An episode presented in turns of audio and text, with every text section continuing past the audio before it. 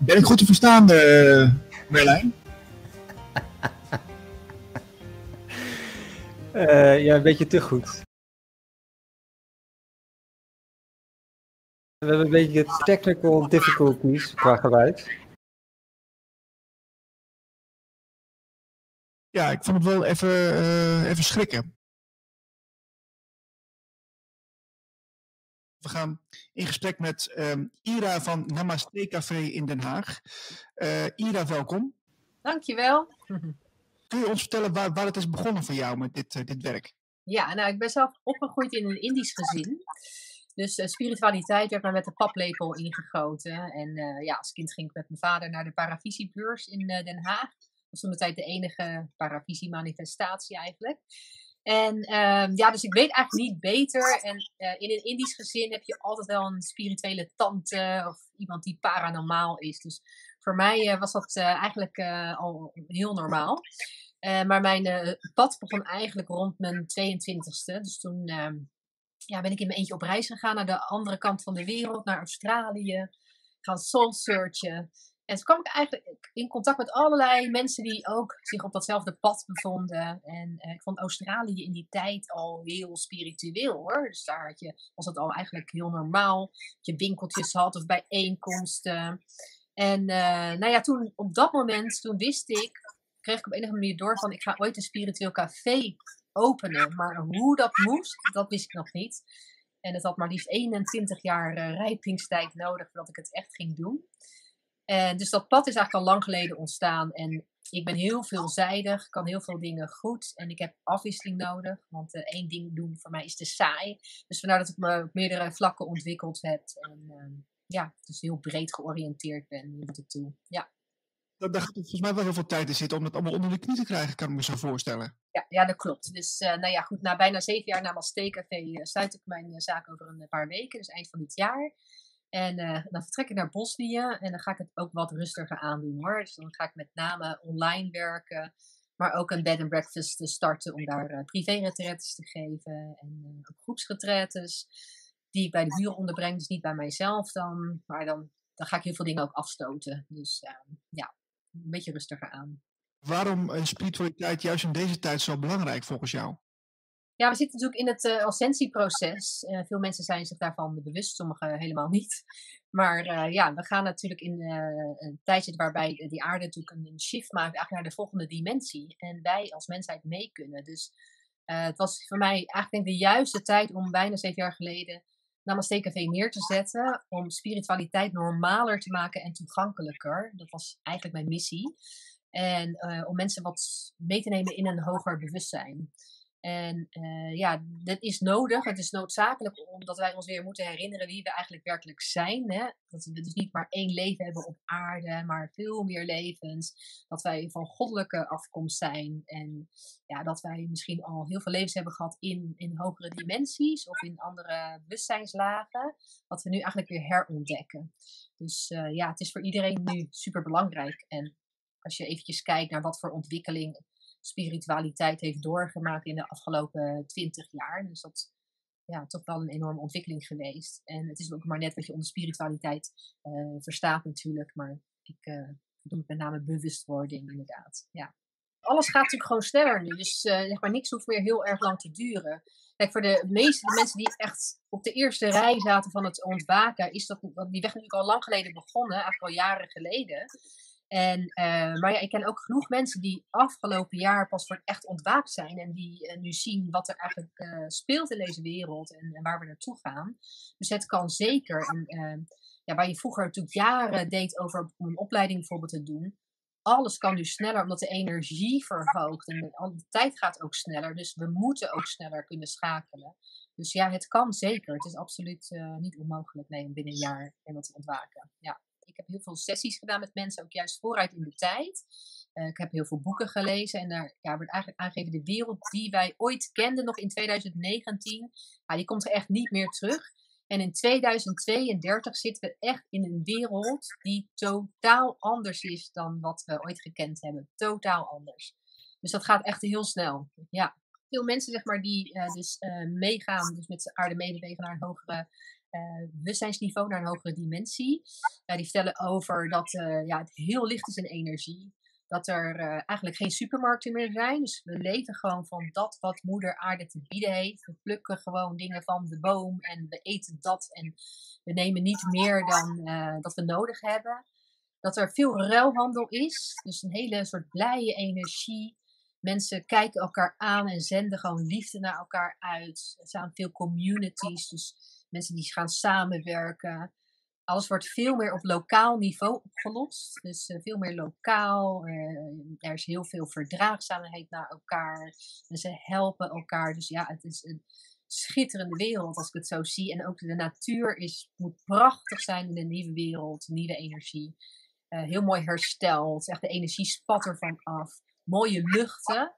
En dat zie je nu al. Hè? Je ziet nu al dat de lucht soms zoveel mooie kleuren heeft. Dat, dat we eigenlijk voorheen nooit gezien hebben. En dat ook vorig jaar toen er eventjes geen vliegverkeer was, hoe mooi de natuur was. Dus eigenlijk op zijn best. Nou, en dat is dan normaal. Ja. Je zegt ook van ja, 2022, dan uh, gaat het eigenlijk een beetje gebeuren. Of het, ja, ja. misschien volgende maand al. Ja. Uh, en dan splitst de aarde zich in, in een soort soort twee, in tweeën, hè? Dat het uh, ja. 3D en 5D. Twee lagen van bewustzijn, inderdaad. Ja, ja. En dat hebben we nu al eigenlijk. En nu gaat het nog door elkaar heen. Maar nu al merk je dat de mensheid in twee, nou misschien wel meerdere, maar in ieder geval twee hoofdlagen van bewustzijn zit: angst of liefde. Uh, vrijheid, wat je wil, waar je voor staat, of dat je eigenlijk onbewust misschien wel tirannie volgt. Ja? Dat is wat natuurlijk het grotere plan is. Ja, ik wil daar niet te veel, op, uh, veel aandacht aan besteden. Maar uh, ja, je ziet nu eigenlijk al dat mensen in de ene realiteit. Uh, en mensen in de andere realiteit. En de ene realiteit ziet eigenlijk al niet wat die andere realiteit ziet. Je ziet het niet. En je ziet het pas als je een, een ontkalkte pijnappelklier hebt. Dan zie je pas wat zich werkelijk afspeelt in deze wereld. Ja. Ja, het heeft echt alles te maken met een ontkalkte pijnappelklier. En heel veel mensen zijn daar al langer mee bezig geweest. Die zijn zich al jaren bewust van bijvoorbeeld geen uh, tandpasta nemen met fluoride, gefilterd water drinken, meer zuiver eten, meer groente, fruit, niet te veel uh, suikers. Uh, dus dan merk je dat dat toch wel een verschil maakt. En als je je vol stopt met uh, junkfood, dan is je pijnappelklier heel vaak uh, verkalkt inderdaad. Ja. Maar als je dat nu nog allemaal moet doen, ja, het is natuurlijk wel heel veel werk, zeg maar. En dat dan een heel korte tijdbestek is, want time is running out. Dus uh, die tijd is nog maar kort. Ik denk over het algemeen dat de meeste mensen zeker mee zullen gaan. Maar dat ook een, gedeelte wat er niet klaar voor is, die zal zichzelf eigenlijk verwijderen van deze aarde. En uh, ja, dat is misschien, uh, klinkt heel tragisch, maar hun ziel heeft dat pad gekozen. Dus daar moeten we dan ook uh, berusting in, in hebben. sommige mensen zijn er gewoon niet klaar voor, maar het gaat met name om innerlijk werk. En ehm, liefde, zelfliefde, liefde voor je medemens. En dat betekent niet dat je over je grens moet uh, laten gaan. Wel je grenzen kunnen aangeven, want dat is ook eigenliefde. Maar dat is eigenlijk met name waar het om gaat. En heel veel mensen die in angst zitten en in negativiteit, ja, die zijn niet klaar voor die vijfde dimensie energie. En ik denk uh, dat ieder ziel inmiddels uh, gekozen heeft. Hè, blijf ik in 3D, ga ik naar 5D. En dat sommige mensen die er net niet helemaal klaar voor zijn, misschien wel die shift meemaken, maar dan in het begin heel moeilijk gaan krijgen met die hogere energieën. Maar dat zal uiteindelijk wel zijn weg vinden, dat denk ik wel. Ja. Alle mensen met wie ik uh, sessies vooruit in de tijd heb gedaan, die spreken allemaal over dat er veel minder mensen op de aarde zijn. Dus daar zeggen ze eigenlijk. Oh, wow. Er zijn veel minder mensen. Ja. Het is heel rustig. Ja. ja. oh, dat. Uh... Ja, ik moet ik, ik heb er verschillende gedachten bij, maar uh, oké. Okay. maar dus, dus ja, dan, dan, ga, dan denk ik dat er ook dus een, een, een bepaalde pijn uh, gevoeld moet worden no, nog uh, de komende tijd. Denk ik, ik denk dat we het zeg maar wel in het laatste stuk zitten. van de week heb ik toevallig nog een sessie met iemand gedaan die zei van het is nog maar kort, maar het wordt wel eventjes gewoon heel donker, heel grimmig. Ja. Dus ja, en waarschijnlijk gebeurt er nog wel iets, ik weet het niet precies wat. en het schijnt dus ja, dat er nog een soort van aard-event gebeurt, een soort solar flash of ik weet niet precies wat, maar dat er het lijkt alsof een soort um, wereld, een natuurramp maar, plaatsvindt, maar dat is het niet. En op dat moment kiezen mensen van, ga ik naar het licht of ga ik naar het donker? En dan zeg maar, ontstaat die afscheiding van die twee tijdlijnen. Dus de 5D 2D-tijdlijn en de 3D-tijdlijn. En die blijven dan even naast elkaar bestaan. Maar uiteindelijk gaat deze aarde verder als een vijfde dimensie planeet. Dus ehm, ja, dan 3D houdt op op deze aarde. Ja. Zoals ik het zie, ik heb in mijn sessies eigenlijk maar weinig mensen gehad die het echt beleefd hebben omdat het, ja, ik weet het niet, ik heb ook heel veel boeken van Dolores Cannon gelezen. Er wordt ook gezegd, sommige mensen maken het niet bewust mee. Die worden even een soort in uh, een freeze mode, zeg maar, gezet. Uh, en mensen die het bewust meemaken, die, die vertellen dus even van er komt een soort druk, zeg maar, naar, uh, op de, op de, boven de aarde, een soort laag, waardoor sommige mensen naar beneden worden gedrukt in hele zware energie en sommigen schieten daar bovenuit, als het ware. En die gaan dus naar lichtere energie. En het is dezelfde aarde, maar met twee lagen van bewustzijn. En ik weet niet of je uh, die solar flash, ja, dat schijnt dus kort te zijn, waarbij je dus upgrades krijgen in energie. En die energie, die moet je dus kunnen absorberen. Dus heel diep blijven ademen om die energie te integreren in je lichaam. Het gaat gepaard met een soort schokken, zeg maar. Waardoor je dus uh, naar een andere structuur gaat, andere DNA-structuur. En uh, ja, hoe lang het duurt, weet ik niet. Maar in heel veel sessies die ik ook geluisterd heb van anderen, van die QHHT-sessies, er wordt gesproken over een soort golf die aankomt, een soort rook, een soort energie. Uh, en ja, dat duurt een paar uur en je moet er echt bij gaan liggen. Je kan er niet bij blijven staan. In de Bijbel wordt gesproken over de, de rapture natuurlijk, de vervoering. Dat, dat een soort zwaartekracht wegvalt. En ja, dus zo'n, uh, zoiets gebeurt. En ik denk dat we daar echt redelijk tegenaan zitten. Ik denk dat dat ergens in 2022 moet gebeuren, maar het is niet te voorspellen. Het is niet te voorspellen. Het gebeurt zo onverwacht. Dus op een doodgewone dag, waarbij iedereen gewoon naar zijn werk gaat, dan gebeurt het juist omdat mensen zich er eigenlijk niet op kunnen voorbereiden dat het heel onverwachts gebeurt. Ja. En dat met die schokken, dat heb jij een keer meegemaakt al, hè? Ja, ja als ik zeg maar naar Bosnië reis, dus, en uh, als ik dan zeg maar mediteer op de grootste piramide daar, de piramide van de zon, Um, die heeft een hele hoge energie, een hele hoge boviswaarde. En ik krijg dan activaties inderdaad. Dus dan heb ik één of twee weken dat ik continu zeg maar schokken krijg om die nieuwe energie te verwerken. Ja. Maar dat zal dan op uh, grotere schaal gebeuren en dan ongeveer tien keer zo sterk. Ja. Ik denk dat daarna zeg maar mensen zullen merken van hé, hey, verrek, ik kan ineens heel goed telepathisch communiceren of ik heb ineens een soort andere krachten. Dus dat gaan we daarna merken. Ja. Dat is iets om naar uit te kijken. Ik heb wel zin in.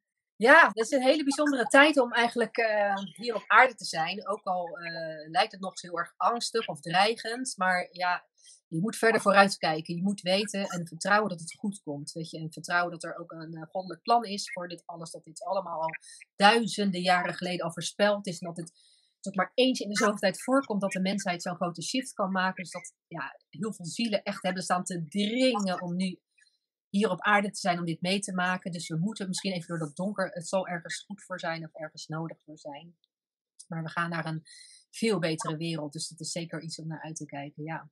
Ik ben op zich niet zozeer bezig met uh, soevereiniteit. Ik, uh, dat niet. Uh, maar wel zeg maar natuurlijk om mezelf afhankelijk te maken van, van deze maatschappij.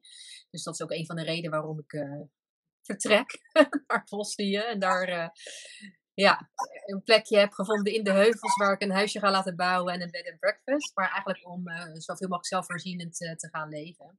En los van dit systeem, inderdaad. Ja. Dus, uh, en ik denk dat soevereiniteit, ik heb wel een klein beetje in verdiept, maar ik vond het best ingewikkeld. En dat is best ook een lange weg, heb ik begrepen. Dus als dit nog heel lang aanhoudt, dan is dat wel een manier. Maar ik denk dat het niet meer nodig is. Ik denk dat die, zeg maar, op handen zijnde shift er sneller aan gaat komen dan we denken. Dus dat het, ja, dan is het ook niet meer nodig om, dat, om die weg in te slaan. Mocht het toch nog heel lang voortduren, ja, dan is dat een optie. Ja. Wat wel leuk is, dat mensen uh, zelf al heel bewust zijn uh, en, en die stap nu al durven te maken. Hè? Uh, nou, je, je hebt natuurlijk een goed voorbeeld. Ja. Ik sprak ook iemand anders die, die ook zijn baan bij de gemeente heeft opgezegd. En die zei van ja, ik, ja, ik, ik, ik weet gewoon dat het allemaal niet meer klopt. Ik ga het, ga het gewoon Ik kan het niet, voor, voor mezelf niet meer verantwoorden om hiermee bezig te gaan. En uh, dan, dan is dat toch de ziels. Uh, um, ja, de, de zielsmissie die eigenlijk overwint, zou je kunnen zeggen. Hè? Ja, ja, de roeping. Eigenlijk, je roept het, je hoort de calling, als het ware. Je hoort de roep en daar geef je gewoon gehoor aan. Ja. Omdat je het vanuit binnen heel sterk voelt dat je die weg te gaan hebt. Ja. En hoe kom je bij Bosnië? Ja, ik reis al heel lang in Bosnië, dus sinds 2005. Dus eigenlijk was eigenlijk net een paar jaartjes na de Balkanoorlog. En uh, toen ging ik ook heel veel in Kroatië reizen, in Servië, Montenegro, al die voormalige Joegoslavische staten. En het begon ooit met een vriendje in uh, Belgrado. En uh, in mijn ogen was Servië echt een donker, duister land. Met allemaal hele slechte mensen. Maar goed, hij vertelde mij heel veel over die Balkanoorlog en daar raakte ik door gefascineerd. En daarna moest ik er beroepsmatig vaak naartoe. Dus ik werkte veel in het toerisme. En ik was zo gefascineerd zeg maar, door dat hele voormalige Joegoslavië. Uh, dat ik uh, heel veel ben gaan reizen in juist ook die onbekende staten. Dus Bosnië was nooit toeristisch. Ook niet toen uh, nog hele bussen met toeristen naar Joegoslavië gingen. En Macedonië ook niet echt, alleen het meer van Ohrid. En nou ja, ik ben dus gaan reizen naar Kroatië, naar Bosnië, hele Balkan over met de bus van links naar rechts. En precies in dat jaar werden de Bosnische piramides ontdekt. Dus uh, ik had ook de taal geleerd. Dus ik heb drie jaar lang uh, Servo-Kroatisch geleerd. Uh, dat kwam natuurlijk heel goed van pas, omdat ik veel ging reizen daar op de Balkan. En uh, toen werden die piramides dus ontdekt. En zeiden ze van ja, er zijn piramides gevonden. En ze dachten dat het heuvels waren, maar het zijn dus piramides. Dus dat vond ik wel interessant. En ik, mijn hele omgeving dacht nou, koek, wat ga jij nou doen? Er is toch oorlog daar? En uh, dat was natuurlijk niet meer zo, maar de UN-soldaten die liepen nog steeds door de straten heen uh, voor de veiligheid. En het hele land was aan flarden kapot geschoten. En dat ja, vond zo tragisch. En tegelijkertijd fascineerde het me ook heel erg. Dus ik ging daar reizen en dan zei ze, ja, uh, als je naar de Servische wijk gaat, dan moest ik de bus nemen naar Belgrado. Daar is het echt levensgevaarlijk hoor. Dus moet je echt heel erg uitkijken. Maar er was niks aan de hand. Dus uh, nou ja, zodoende. En dus, ontstond mijn liefde voor de Balkan. En toen heb ik elk jaar, als ik even kon, ging ik wel even een keer naar Kroatië of naar Bosnië of naar Montenegro. Of, nou, dus altijd. En uh, ja, voor werk, ik werkte in toerisme. Ja, uh, ik was de Balkan-expert. Dus ik kreeg de Balkan onder me, Slovenië en Kroatië. Dus uh, zodoende ja, ben ik er zo bekend en vertrouwd geraakt eigenlijk met het uh, voormalige Joegoslavië. En toen, nou ja, in 2019 toen was het er nog steeds niet van gekomen om een keer naar die Bosnische piramides te gaan. Ik reisde heel veel in India, dus uh, Bosnië was een heel klein beetje naar de achtergrond geraakt, dus de Bosnische piramides. En toen werd ik uitgenodigd door een, voor een 5D-diner in Den Haag. Dat was heel leuk. Waren allemaal mensen die elkaar niet kenden en die op hun een klein groepje had een aantal mensen uitgenodigd. Uh, waarvan ze dachten van nou, dat zijn allemaal gelijkgestemde mensen, die zijn allemaal bezig met hoger bewustzijn. En was in Den Haag. En ik kwam aan een ronde tafel te zitten. Naast iemand die zei wel van, joh, als je zoveel reist op de Balkan en naar India en spirituele reizen organiseert. Ja, dan moet je nu echt naar Bosnië gaan, naar de Bosnische piramides. Het is nu de tijd. Want heel veel mensen weten het nog niet. En straks als het bekend wordt, dan wordt het daar booming. Dus ik zeg, inderdaad, goed plan. Het zit al zo lang in mijn hoofd, nooit meer van gekomen. Ik ga morgen een ticket boeken. Dus dat heb ik gedaan. En toen ben ik daarheen gegaan. Uh, vond het fantastisch. Ik heb er gelijk een reis naartoe georganiseerd. Ja, en daarna, het voelde iedere keer als thuis. Dus ik kwam er vaak en uh, een paar keer per jaar. En ik dacht, het is thuis. Het voelt als thuis. Het heel gek, ik kan het niet verklaren. En toen vorig jaar dacht ik van, joh, het is hier al, ondanks dat het bewustzijn in Bosnië nog best wat omhoog mag bij de mensen. Uh, de manier waarop mensen leven in de natuur, met de natuur, de energie die van dat land afspat, gewoon zo energetisch sterk. En die krachtplekken die er overal zijn, nou dat land is voor mij al helemaal 5D, zeg maar. Die zit al helemaal in een hogere dimensie. En ik dacht, nou, ik wil hier gewoon wonen. Het is mij helemaal duidelijk, hier wil ik wonen. Ik heb de hele wereld afgereisd, ik heb zoveel gereisd in mijn leven, maar dit is thuis. En uh, toen wist ik nog niet hoe of wat. Maar zo zie je maar weer, als je dat dan in gang zet, dan ontstaat de weg vanzelf. En toen het idee om een stukje land te kopen. Ik wist helemaal niet of dat kon, maar dat kon. En uh, het ging allemaal heel erg snel.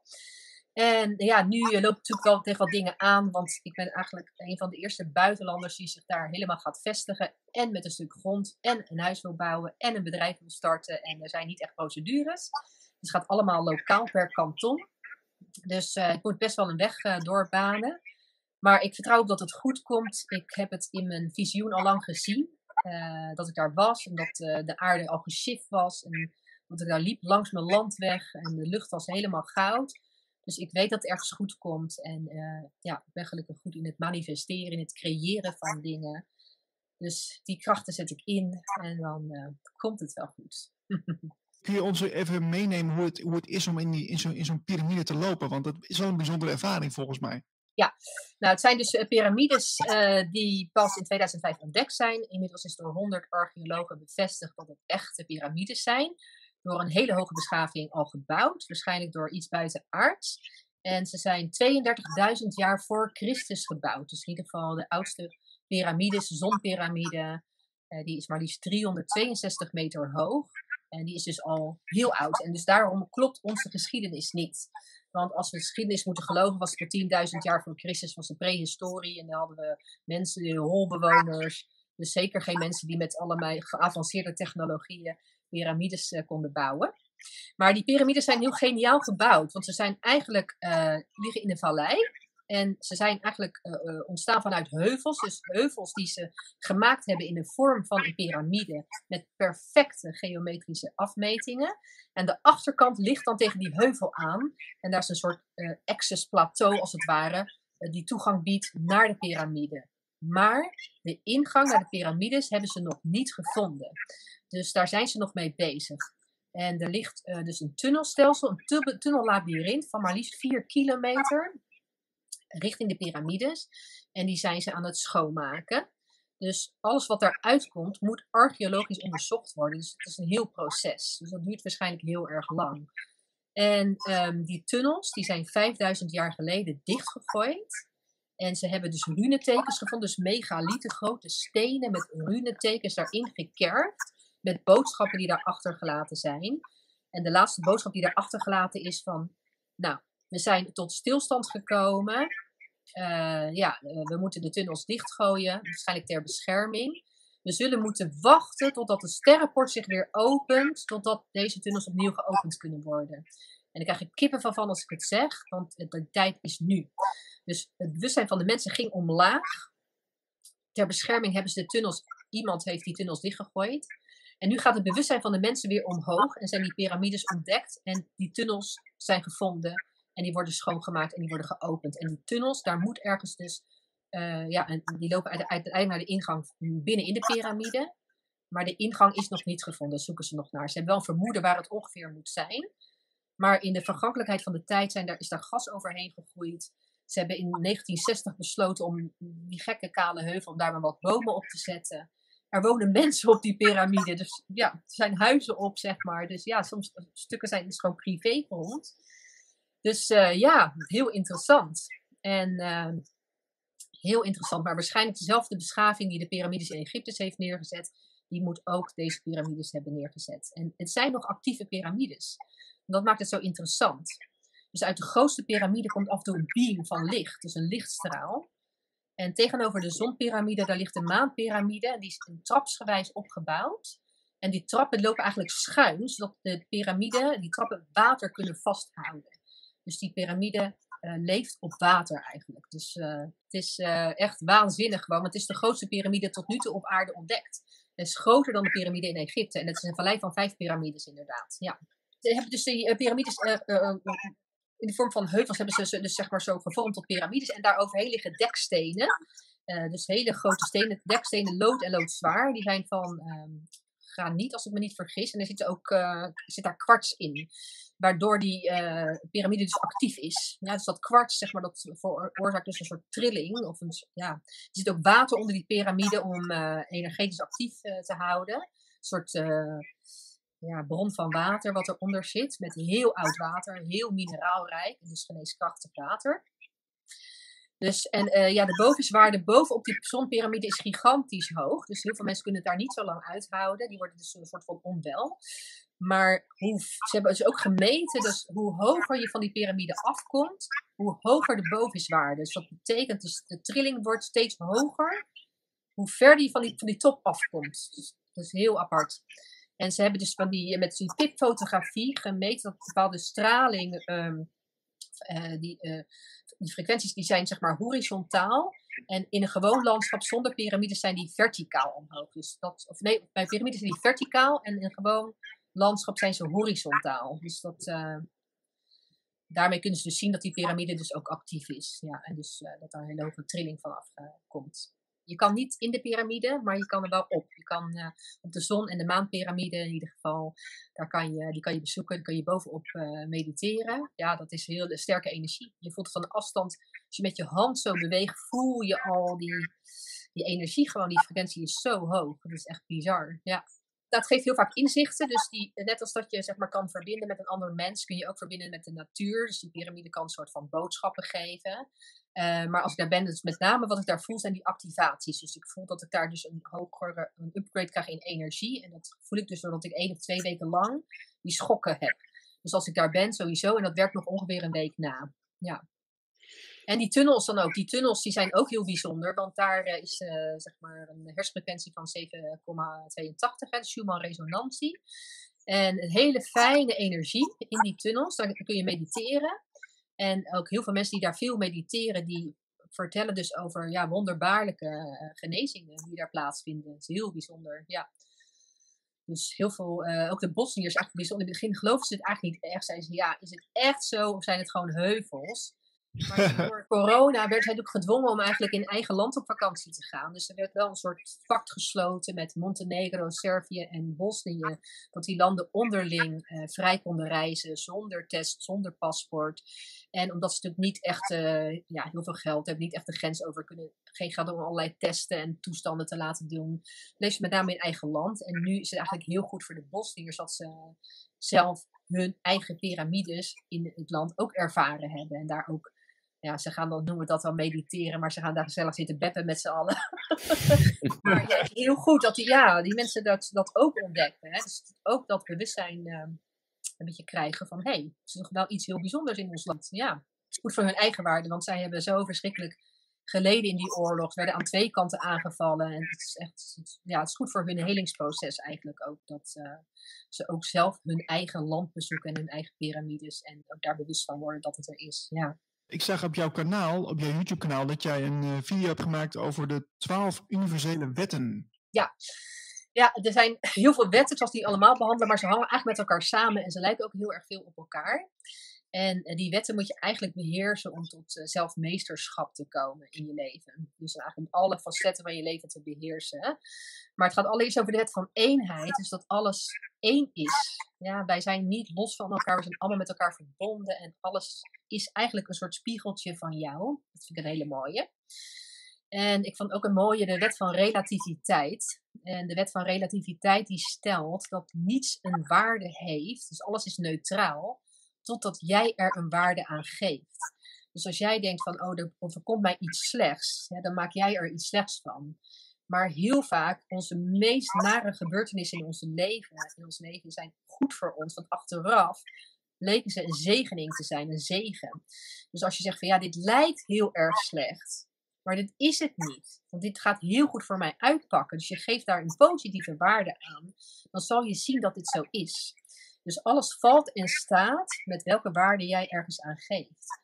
En uh, ja, dan heb je ook nog zeg maar uh, de wet van ritme. Dus dat stelt dat alles een cyclus is. Dus dan heb je altijd, uh, het leven is een soort golfbeweging met pieken en dalen. En dat je dus in die dalmomenten niet in paniek moet raken, maar dat je die weer moet benutten om voor te bereiden op die piek die er weer aan gaat komen. En als je dus zo door het leven kan manoeuvreren, ja, dan gaat het je gewoon veel makkelijker af. Dan zit je jezelf niet meer zo in de weg. En dan, uh, dan snap je het leven meer en dan gaat het ook makkelijker. Dus dat zijn een paar eventjes van die spirituele wetten die ik eruit haal. Ik heb ook wel eens gedacht dat ja, ik heb een periode in mijn leven meegemaakt dat alles uh, donker was, zoals mijn eigen donkere nacht van de ziel. Dus uh, mijn moeder overleed, ik kreeg mijn ontslag aangezegd en alles kwam in één week. Dat ik echt dacht, nou, mijn hele leven lag onderuit. En dat ik dacht, van, nou, dit is echt het ergste wat me tot nu toe is overkomen. Maar achteraf was het mijn grootste zegening. Want ja, doordat ik, uh, ons, het was natuurlijk niet fijn dat mijn moeder overleed, maar oké, ja, het was haar tijd. Maar doordat ik dat ontslag kreeg, wat eigenlijk niet mijn schuld was, uh, moest mijn voormalige werkgever mij een uh, ontslagvergoeding uitkeren. En het was nog in de goede tijd. Dus maar kantonrechtersformule, uh, da da da da da. En daarmee was de weg vrij om voor mezelf te starten. Dus ja, zo zie je maar dat je grootste ellende, als je het los kan laten, ehm, en dan kan, op, kan vertrouwen, zeg maar, dat het tot iets goeds moet leiden, achteraf je grootste zegen kan zijn. Ja. Maar dat zie je niet op dat moment. Dat zie je pas achteraf. Daarom inderdaad niet te snel oordelen. Ja, soms denk je dat je heel erg pech hebt en achteraf is je grootste geluk. Ehm, maar echt op dat moment dat jou iets heel vervelends overkomt, kun je het beste affirmeren naar jezelf van oké, dit lijkt heel slecht.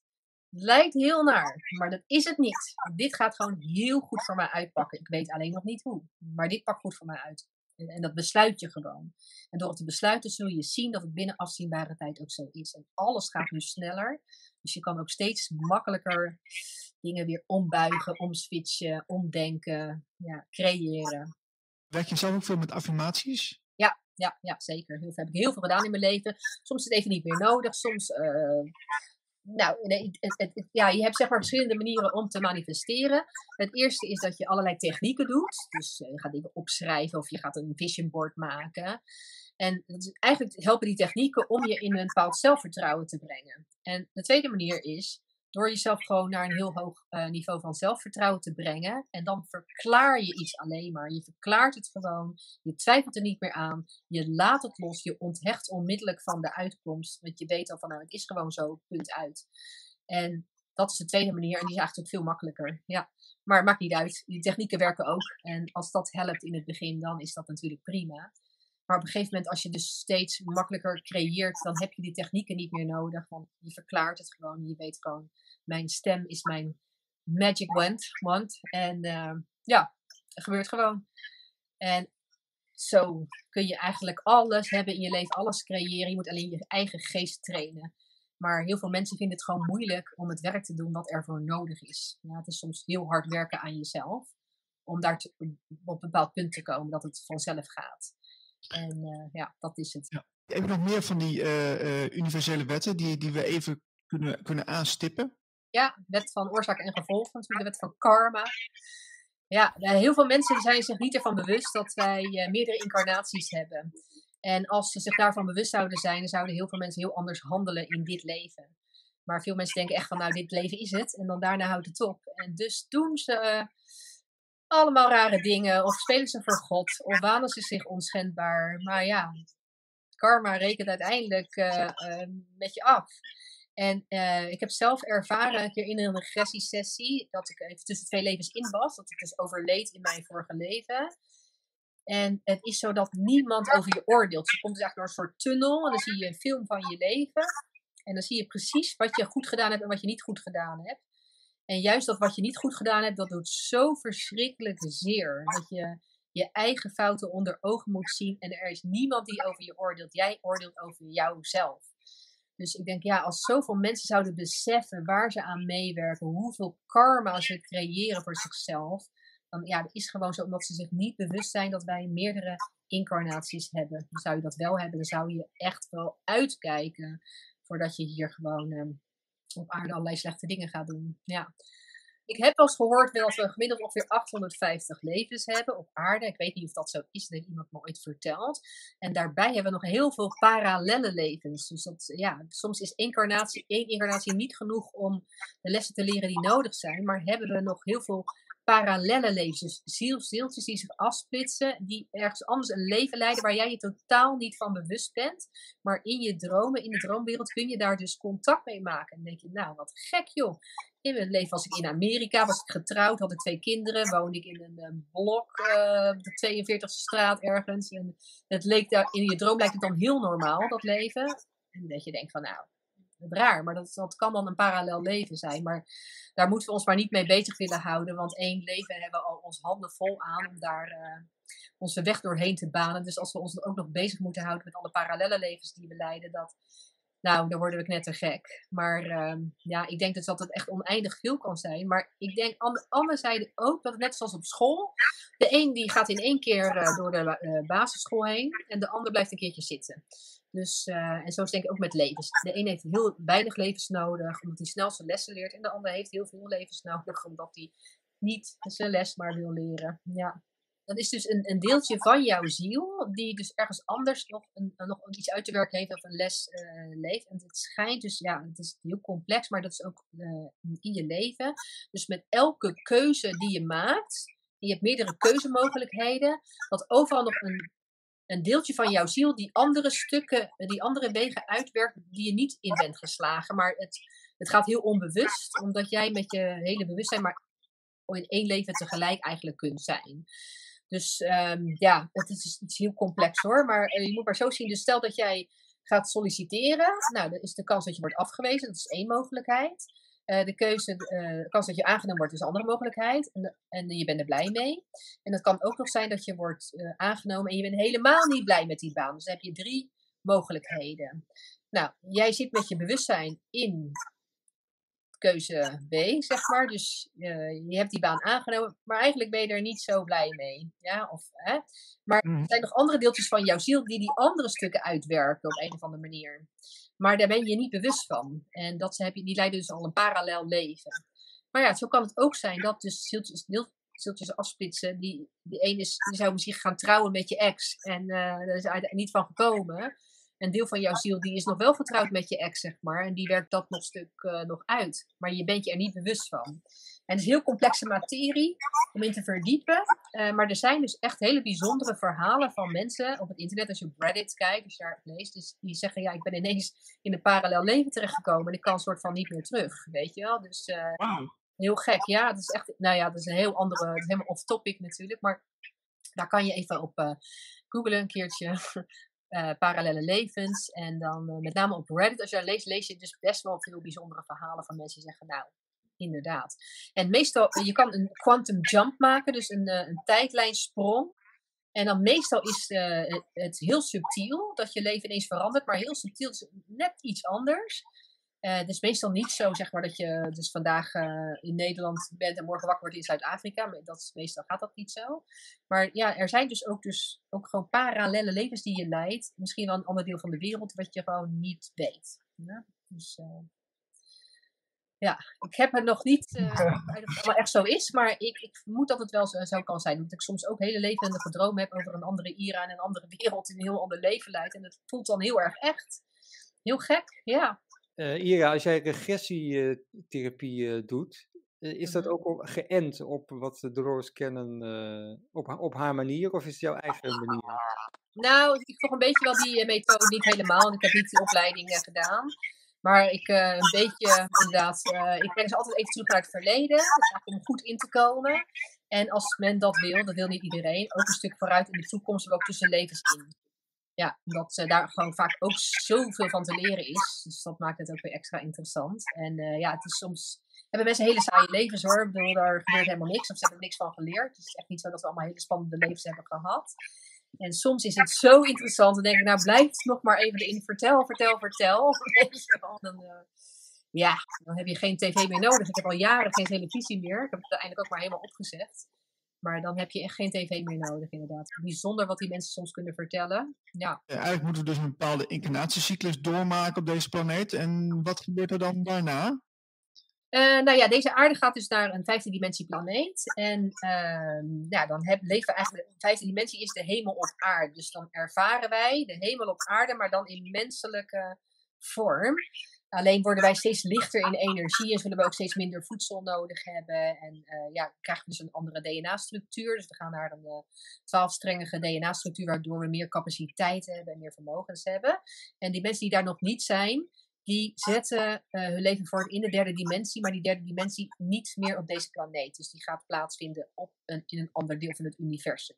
Dus vroeg of laat zullen die mensen eerst overlijden, gaan ze terug naar de bronenergie en zullen ze incarneren op een andere planeet waar nog een derde dimensie density is, ja, een derde dimensie realiteit. En uh, nou ja, zo'n uh, dimensie duurt altijd en meestal een paar duizend jaar. Dus uh, ja, uiteindelijk worden wij een soort van lichtwezens. Dus hebben we geen lichaam meer nodig. In het begin nog wel, maar ik denk over een tijdje, misschien 30 jaar of zo, worden wij steeds meer licht, als het ware, energie. Dus uh, kijk, als wij als mensen evolueren en de aarde evolueert, dan evolueert het hele universum ook weer. Dat is uiteindelijk een oneindig proces, maar hoe lang het allemaal uh, is, ik heb, dat durf niet te zeggen. Ik weet alleen dat wij nooit doodgaan, uh, want we kunnen niet doodgaan, want we zijn een ziel. En, maar dat we zeg maar ook weer levens kunnen hebben in andere hogere beschavingen. Ik denk dat hier op aarde heb je gewoon aardlingen, dus mensen die eigenlijk alleen maar levens hebben gehad op aarde, dus zielen. En je hebt de starseeds, de sterrenzaden. En de starseeds die hebben al levens gekend in hogere beschavingen, in andere planeten, andere sterrenstelsels, andere dimensies. En die weten dus al wie ze zijn, uh, waar ze vandaan komen, wat ze kunnen. Maar ze hebben ook heel veel levens op aarde gehad, uh, speciaal voor deze tijd, om dus ook hier heel veel lessen te leren. Maar omdat ze ook al weten hoe het is in een hogere dimensie, zijn zij juist gekomen om die weg weer af te leggen, om zichzelf te vinden en om die kennis uit te dragen en om die aardlingen eigenlijk te helpen in dit ascensieproces. Maar ja, het is een vrij, we leven in een vrije wil universum, dus het is iedereen zijn eigen keus. Ga je luisteren naar iemand die wat te melden heeft, of die jou probeert te waarschuwen voor iets, of doe je dat niet? En dat is het, ieders pad van, van ieder ziel heeft gekozen, maar als mens op aarde heb je dan ook nog eens een vrije wil. En volg je dan het pad van je ziel of niet? Ja, en hebben gewoon meer tijd nodig in die derde dimensie. Dus ja. En Ira, hoe kom ik er nou achter de, of ik een starsheet ben of niet? Uh, nou, ik, ja, ik kan alleen vertellen hoe ik er zelf achter kwam. Uh, ik wist het ook niet. Ik dacht ook gewoon, dat ik ben gewoon van deze aarde. maar ik kreeg op een gegeven moment een droom. En toen vroeg iemand mij in mijn droom, zeg, het is jouw thuisplaneet. En ik zei, Sirius. Heel sterk zo. Zonder enige twijfel. En toen dacht ik, nou, wat raar, ik er nooit van gehoord, zeg maar. Ik heb het gewoon opgeschreven. Ik denk, nou, het zal wel.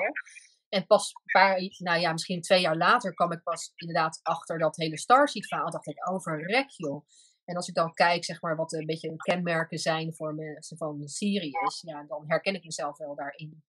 Dus uh, zo beetje, meestal, dat, zo was het bij mij hoe ik erachter kwam. Maar het meestal, ja, als je gewoon eigenlijk al weet, weet wie je bent, je hebt dat weer herontdekt, je goddelijke afkomst herkent.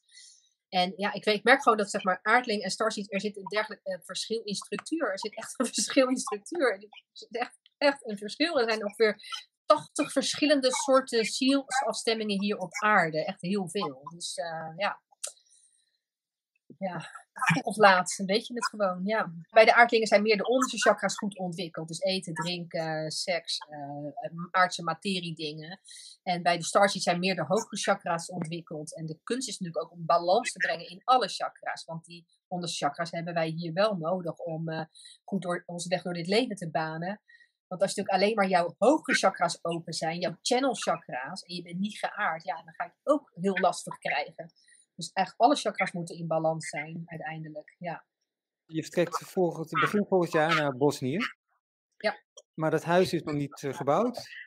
nee, het is nog wel even weg te gaan. Ja. Nee, dus... ik ga het zo doen. In principe, uh, als ik hier mijn zaak sluit, kan ik hier niet zoveel meer uh, betekenen natuurlijk. Ik heb dadelijk ook geen huis meer. Dus ik ga even een paar weken bij een vriendin logeren. En in Bosnië heb ik echt heel veel te regelen, want het is nog niet even 1, 2, 3 gebeurd. Ik vertrouw wel op dat het allemaal goed komt, omdat ik heel erg sterk voel van, nou, dit is mijn weg. En als het mijn weg is, dan krijg ik gewoon daar goddelijke interventie, goddelijke hulp bij. Maar er moet nog wel wat gebeuren. Um, maar ik ga dus naar Bosnië om dingen in gang te zetten die ik in gang moet zetten. En dan ga ik eigenlijk gelijk het land weer uit, blijf ik een tijdje in Kroatië. Omdat ik in Bosnië drie maanden kan blijven binnen zes maanden. En ik wil niet die drie maanden allemaal verspillen, zeg maar, gelijk. Het moet eerst dat dingen geregeld hebben. Dus ik ga een tijdje in Kroatië verblijven of in Servië, ligt eraan waar het meest vrij is. En dan kan ik vanuit daar makkelijk op en neer naar Bosnië, een paar uurtjes rijden. Ja, dus als ik dan weer wat moet doen, dan ga ik weer even terug. Uh, totdat in ieder geval uh, ja, alles erdoor is, mijn bouwvergunning erdoor is. Ik kan gaan bouwen, een bedrijf kan gaan starten. En ja, we zullen zien hoe lang dat duurt.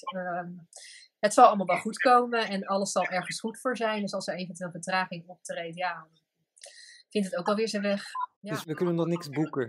Er valt nog niks te boeken. Nee, ik heb heel veel mensen die zeggen: Kan ik al boeken? Want ik wil komen. Maar er valt nog niks te boeken. Maar caféactiviteit heb ik helemaal afgebouwd inmiddels. En uh, ja, langzaam trek ik het helemaal leeg. Uh, dat moet wel, want ik heb ook een huis leeg te halen en een zaak leeg te halen. Ik kan niet alles in één weekje doen, dus het moet geleidelijk aan. Dus uh, vanmiddag komen er allemaal weer mensen uh, allemaal spullen ophalen. En uh, zo gaat het. Maar inderdaad, tot de laatste week van december blijft in ieder geval open voor inloop, voor zover dat kan. Hè. Okay. Ja. ja, voor zover dat kan, ja. Dat, zolang Mark en Hugo dat goed vinden. ja. Ira, ik wens je heel veel succes de komende tijd. Dankjewel. Ook, doe maar Marlijn. Ja, ik wil even zeggen, we zijn er volgende week nog één keer op zaterdag en dan gaan we naar de dinsdag. Zo is het. Ida, dankjewel. En uh, uh, we spreken elkaar snel. Ja, jullie ook bedankt. Bye bye. Doei doei!